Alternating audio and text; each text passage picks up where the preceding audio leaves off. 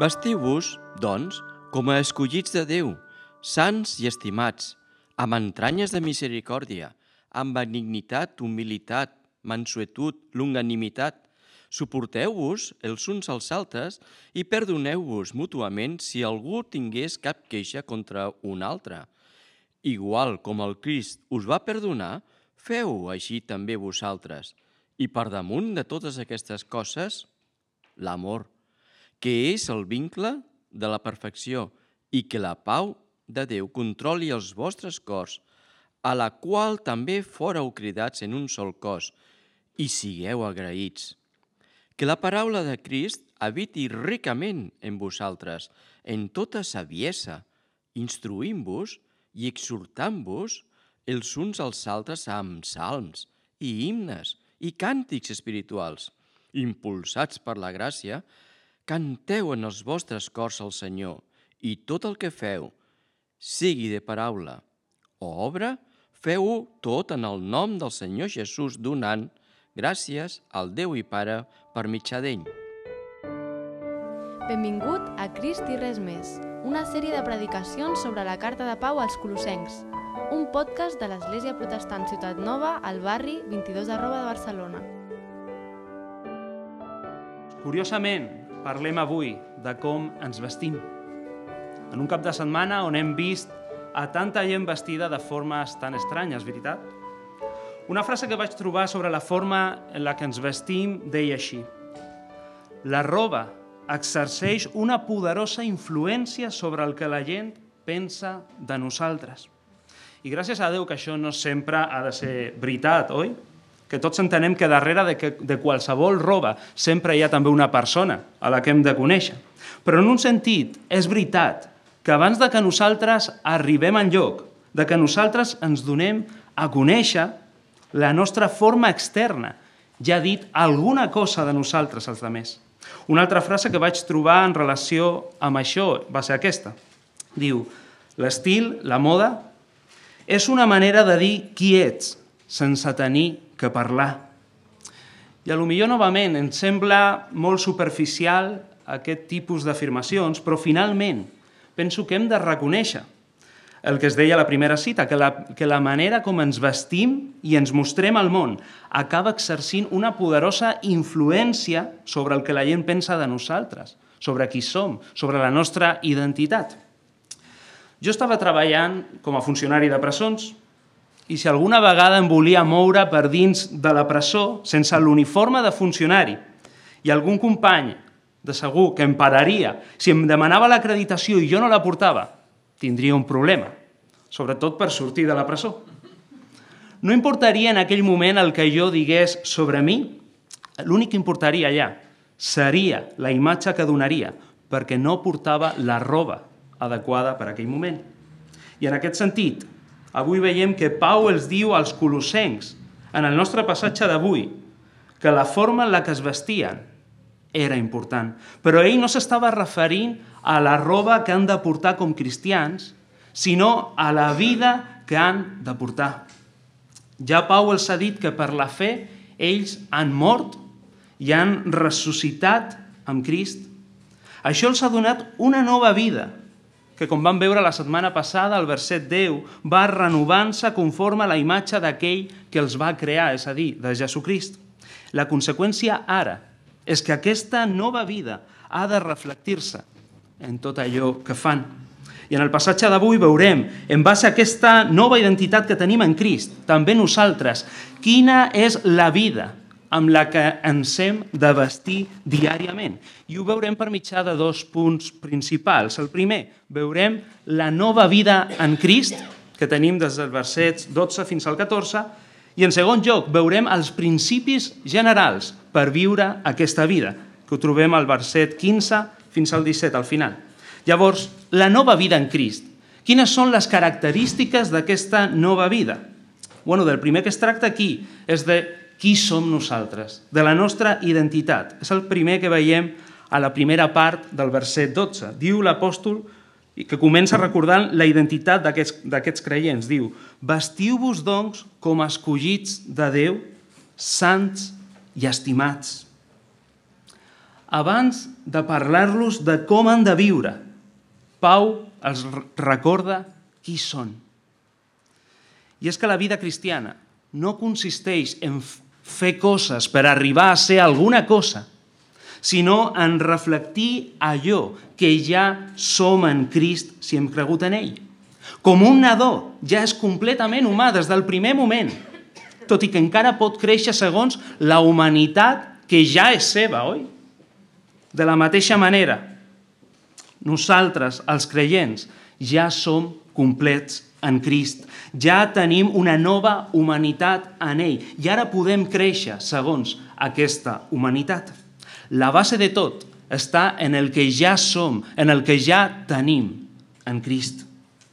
Pau els diu que són escollits, sants i estimats de Déu.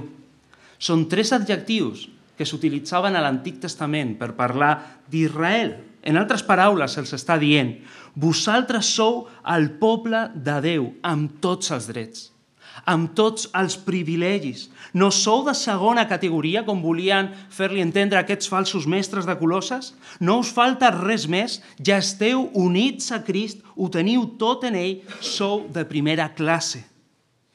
I això no era pels seus mèrits, sinó perquè Déu, com dirà Pau als Efesis, ens va elegir en Crist abans de la fundació del món, a fi que siguem sants i irreprensibles davant d'ell, en amor. Notes aquí els tres, els tres adjectius també, elegits, sants i en amor. I és això que parla també l'apòstol Pere quan diu «Però vosaltres sou llinatge escollit, un sacerdoci reial, una nació santa, un poble adquirit, i més endavant diu, vosaltres, que en altre, que en altre temps no éreu poble, ara sou poble. Vosaltres que no havíeu obtingut misericòrdia, ara heu obtingut misericòrdia. Aquesta és ara la nostra identitat com a cristians. No importa el que altres diguin de tu, no facis cas al que et digui el teu estat d'ànim cada matí com diria el famós predicador del segle passat, Martin Lloyd Jones, un dels principals problemes dels cristians és que ens escoltem massa a nosaltres mateixos. En lloc d'això, el que hauríem de fer és parlar-nos a nosaltres mateixos les veritats de Déu. Si ets cristià, quan t'aixequis al matí, abans d'escoltar els teus sentiments, els teus problemes, el teu estat d'ànim. Tu t'has de dir, t'has de parlar a tu mateix. Soc un escollit, sant i estimat de Déu. Passi el que passi en el dia d'avui, això no canviarà. I sens dubte, això serà un gran impuls per viure d'acord amb aquesta identitat que tenim en Crist. Ara, així com un jugador de futbol amb el seu equip o el cos al que pertany, un policia determinarà quina vestimenta han de portar. D'aquesta forma, la nova identitat que tenim en Crist determina, diríem com una evidència, la manera en la que vestirem els creients i la manera en la que hem de viure. I com és que hem de viure? És el que trobem a la segona part del verset 12. Seguint amb la il·lustració de la vestimenta. Pau diu quines són les peces de roba, les característiques d'aquesta nova vida en Crist. De vegades jo, abans de sortir al carrer, l'Anna em para davant de la porta i em diu mm, sembla que aquests pantalons no combinen amb aquestes sabates. Eh? I jo, ah, bueno, jo pensava que sí. Bueno, aquí, el que tenim davant, no passa això. Les peces de roba amb les que Pau vol que els creients es vesteixin combinen perfectament l'una amb l'altra. I es destaquen concretament cinc peces. La primera diu, vestiu-vos amb entranyes de misericòrdia. Podríem dir també amb profunda compassió, que no som indiferents al sofriment dels germans, per exemple, quan es troben sols, quan es troben malalts, quan no arriben a final de mes, amb un conflicte a casa, o quan estan sent víctimes de qualsevol pecat, sigui propi o sigui d'un altre. I clar, això ens porta a vestir-nos, en segon lloc, amb benignitat. Es refereix a viure pensant en el benefici de l'altre, dels meus germans, per sobre del meu. I això ens porta, en tercer lloc, a la humilitat. Aquell que no camina buscant l'atenció, sobre si mateix, sinó que la vol posar en els altres, molt diferent, aquella falsa humilitat que volien promoure els falsos mestres. En quart lloc, ens parla de la mansetud, un caràcter que és sumís, dòcil, disposat a empassar-se les ofenses dels altres abans de respondre a elles. I això parlaven aquest dimarts al culte de, a la reunió de pregària amb l'exemple de Moisès, veritat? Nombres 12.3 parla que, que era l'home més dòcil eh, de tota la terra. I finalment, això ens porta com si fos un cinturó de tot, a la longanimitat, que bàsicament vol dir la paciència, la perseverança en totes aquestes virtuts, enmig d'un context, d'un ambient que no ho favoreix, que és hostil. Bàsicament, estem parlant d'una sola cosa, d'un mateix uniforme. Estem parlant del caràcter de Crist. És per això que el títol de la nostra predicació diu Vestits amb Crist.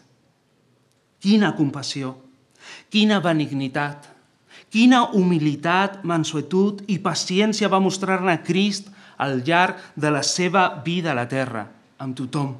Especialment ho veiem a l'hora de la creu, Allà veiem com en Crist llueixen cadascuna d'aquestes peces de roba, combinades d'una forma perfecta. Aquell que sent igual a Déu, ple de misericòrdia i compassió, no va pensar en els seus propis interessos, sinó en el nostre benefici.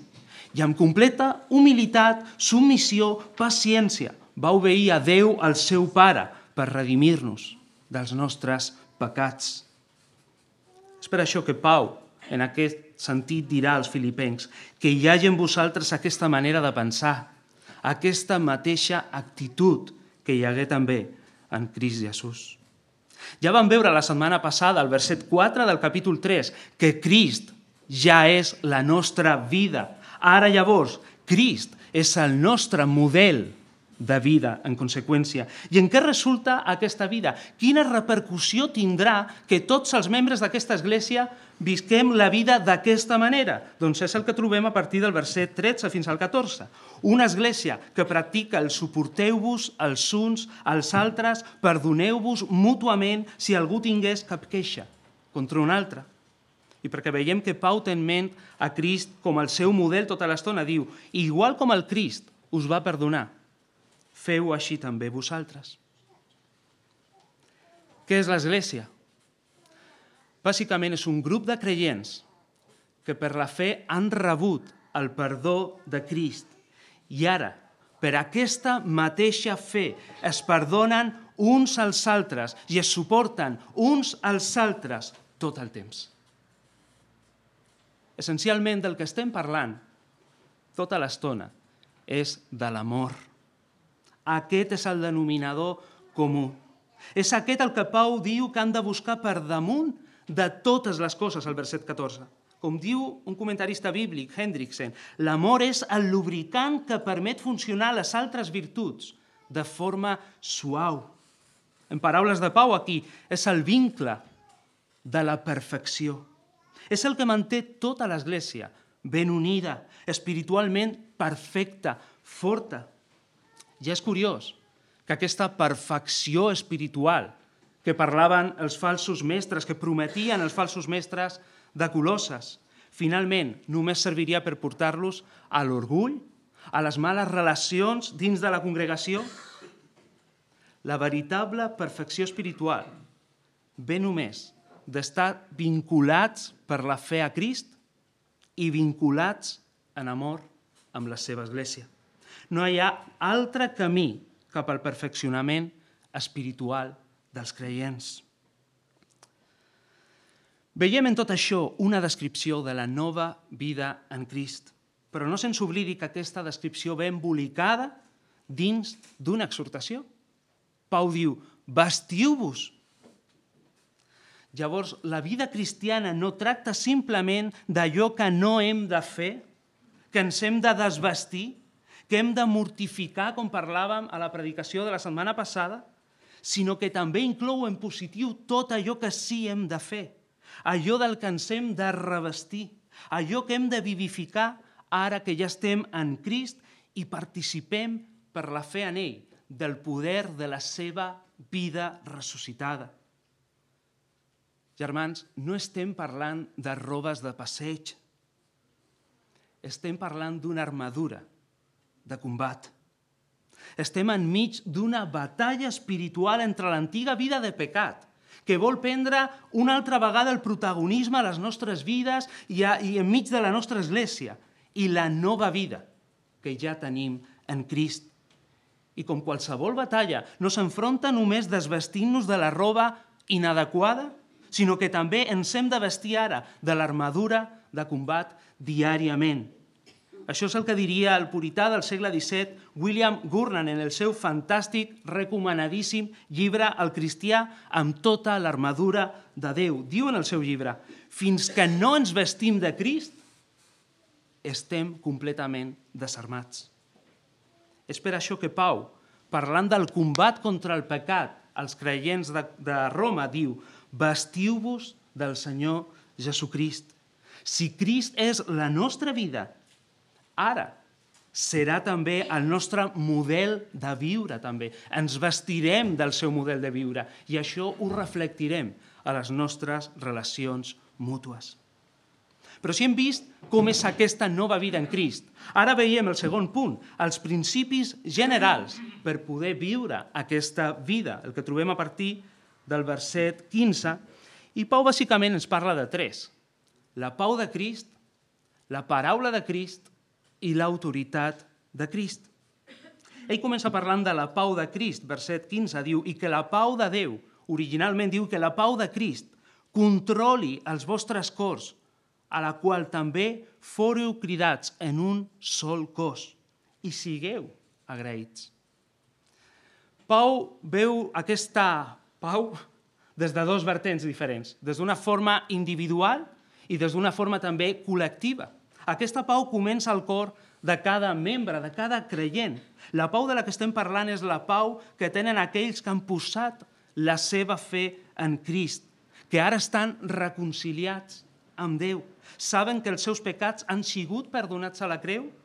La seva vida ara es troba guardada amb Crist i el seu futur està garantit amb ell.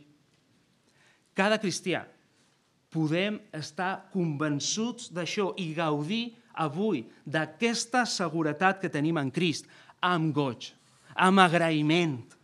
Ara, Pau no simplement ens parla d'això com una teoria, alguna cosa que hem de saber.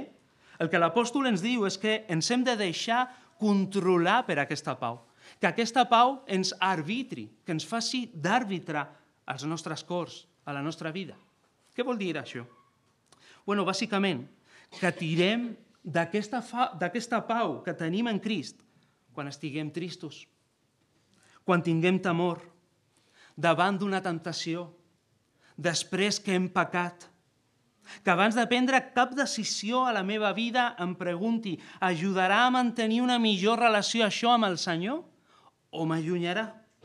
Això és una vida controlada per la pau de Crist.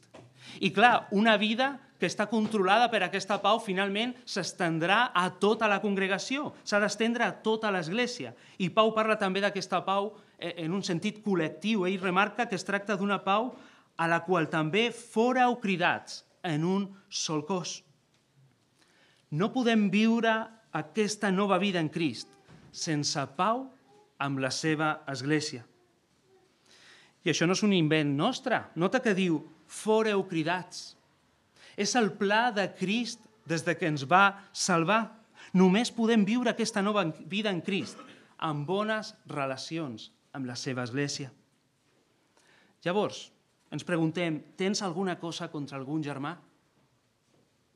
Ens hem distanciat per diferents motius? Vius enfadat perquè alguna vegada no es van fer les coses com tu volies? Simplement sents indiferència cap a l'Església? Déu ens ha cridat a la pau en un sol cos.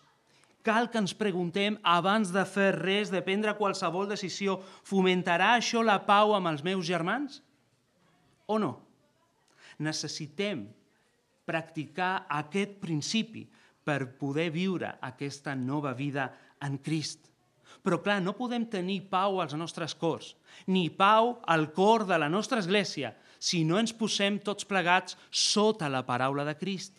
I aquest és el segon principi per poder viure la nova vida que estem parlant. La paraula de Crist, diu el verset 16, que la paraula de Crist habiti, eh? com si fos la seva casa, ricament, amb abundància, en vosaltres, entre vosaltres.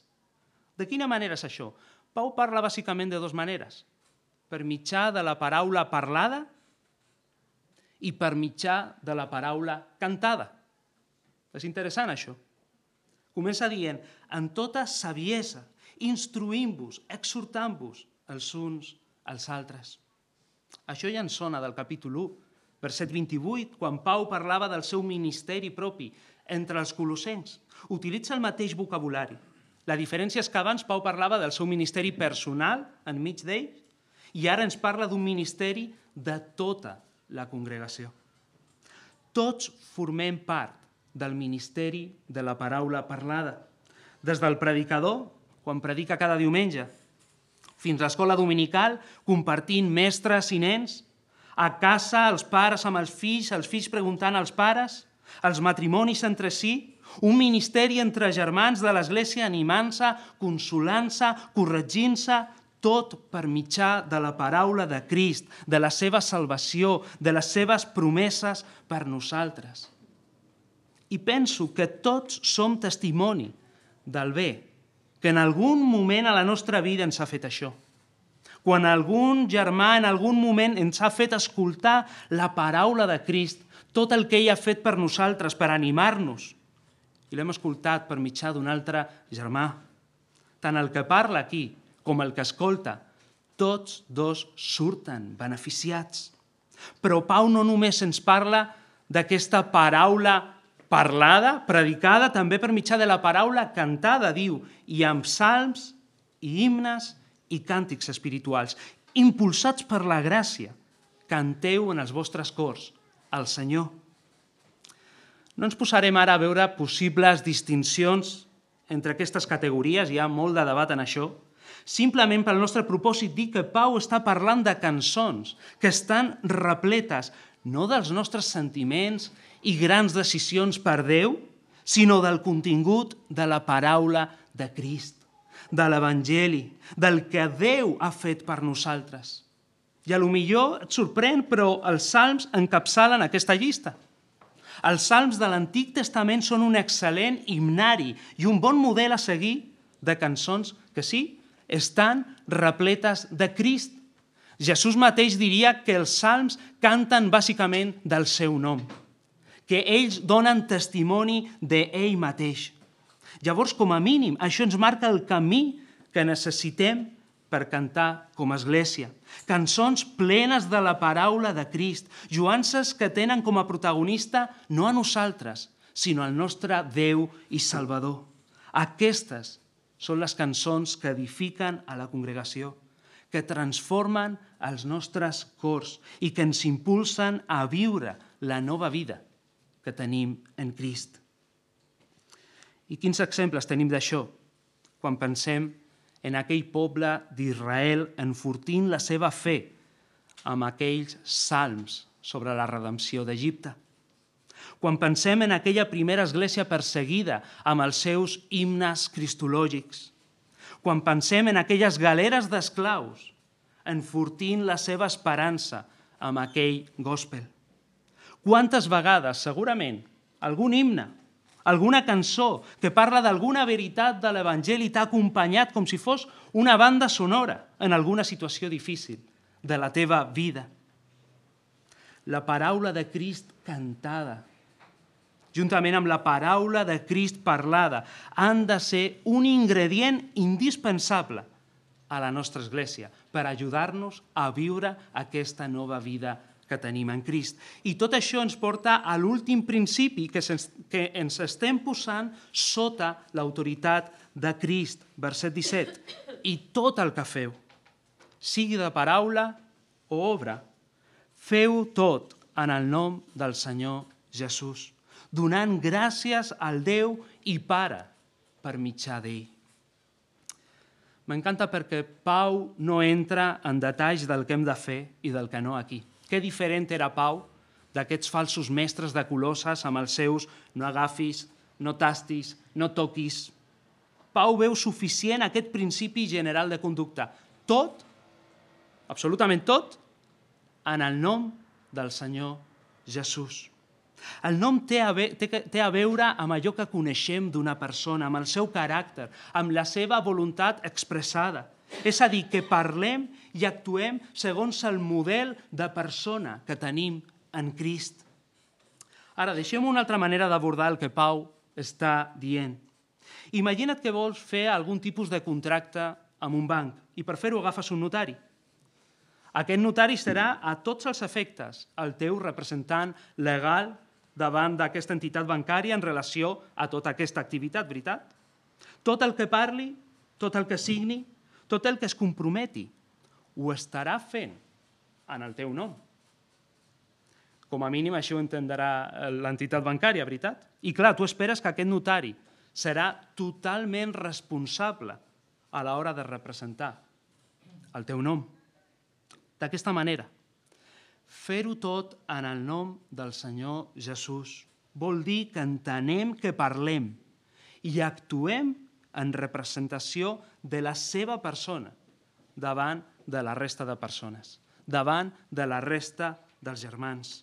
Llavors, jo voldré parlar i actuar com si fossi el mateix Senyor Jesús, sota el seu caràcter, sota la seva voluntat expressada en aquest llibre, Quin impacte tindria l'Església si abans de fer qualsevol cosa penséssim en que ho fem tot en el nom del Senyor Jesús, en que ho hem de fer, ho hem de dir, com si fóssim Crist per l'altra persona. El que Pau ens està dient aquí és actua com si fossis Crist per als demés. I tot això amb goig, amb agraïment, donant gràcies al Déu i Pare nostre per aquesta nova vida que tenim per mitjà de Crist. La pau de Crist, la paraula de Crist, l'autoritat de Crist. Com podem viure plenament aquesta nova vida en Crist? Bàsicament, amb una església 100% centrada en Crist. I arribo a la conclusió. La base de la nostra manera de viure està en allò que som, escollits, sants i estimats de Déu. És això el que marca el nostre codi de vestimenta, la nos el nostre estil de vida. Com Pau els diria als Efesis en la seva carta, no som salvats per les nostres bones obres, com hem cantat, però sí que hem sigut salvats per caminar en aquestes bones obres, en aquest nou estil de vida. Juntament amb aquests colossencs, avui nosaltres també hem d'escoltar, ja que heu ressuscitat amb Crist. Ara reflectiu la vida de Crist, seguiu el seu model. I necessàriament això només podrem aconseguir-ho de forma ideal si ho fem en el context apropiat, sota els principis adequats. Una església centrada en Crist.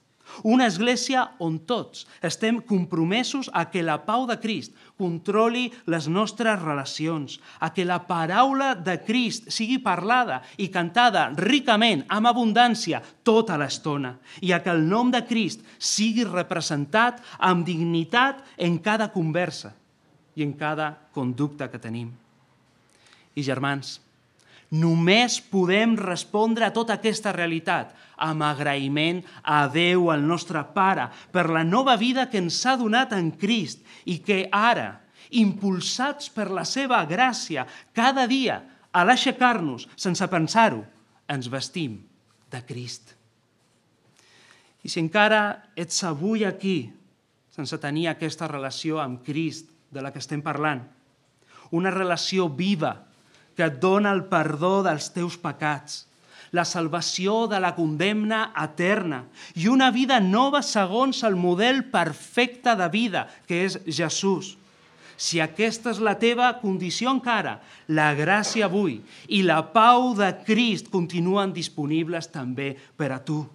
La seva mort i la seva resurrecció fa dos mil anys continua tenint poder avui per tots aquells pecadors com tu i com jo que ens apropem a ell amb penediment i fe.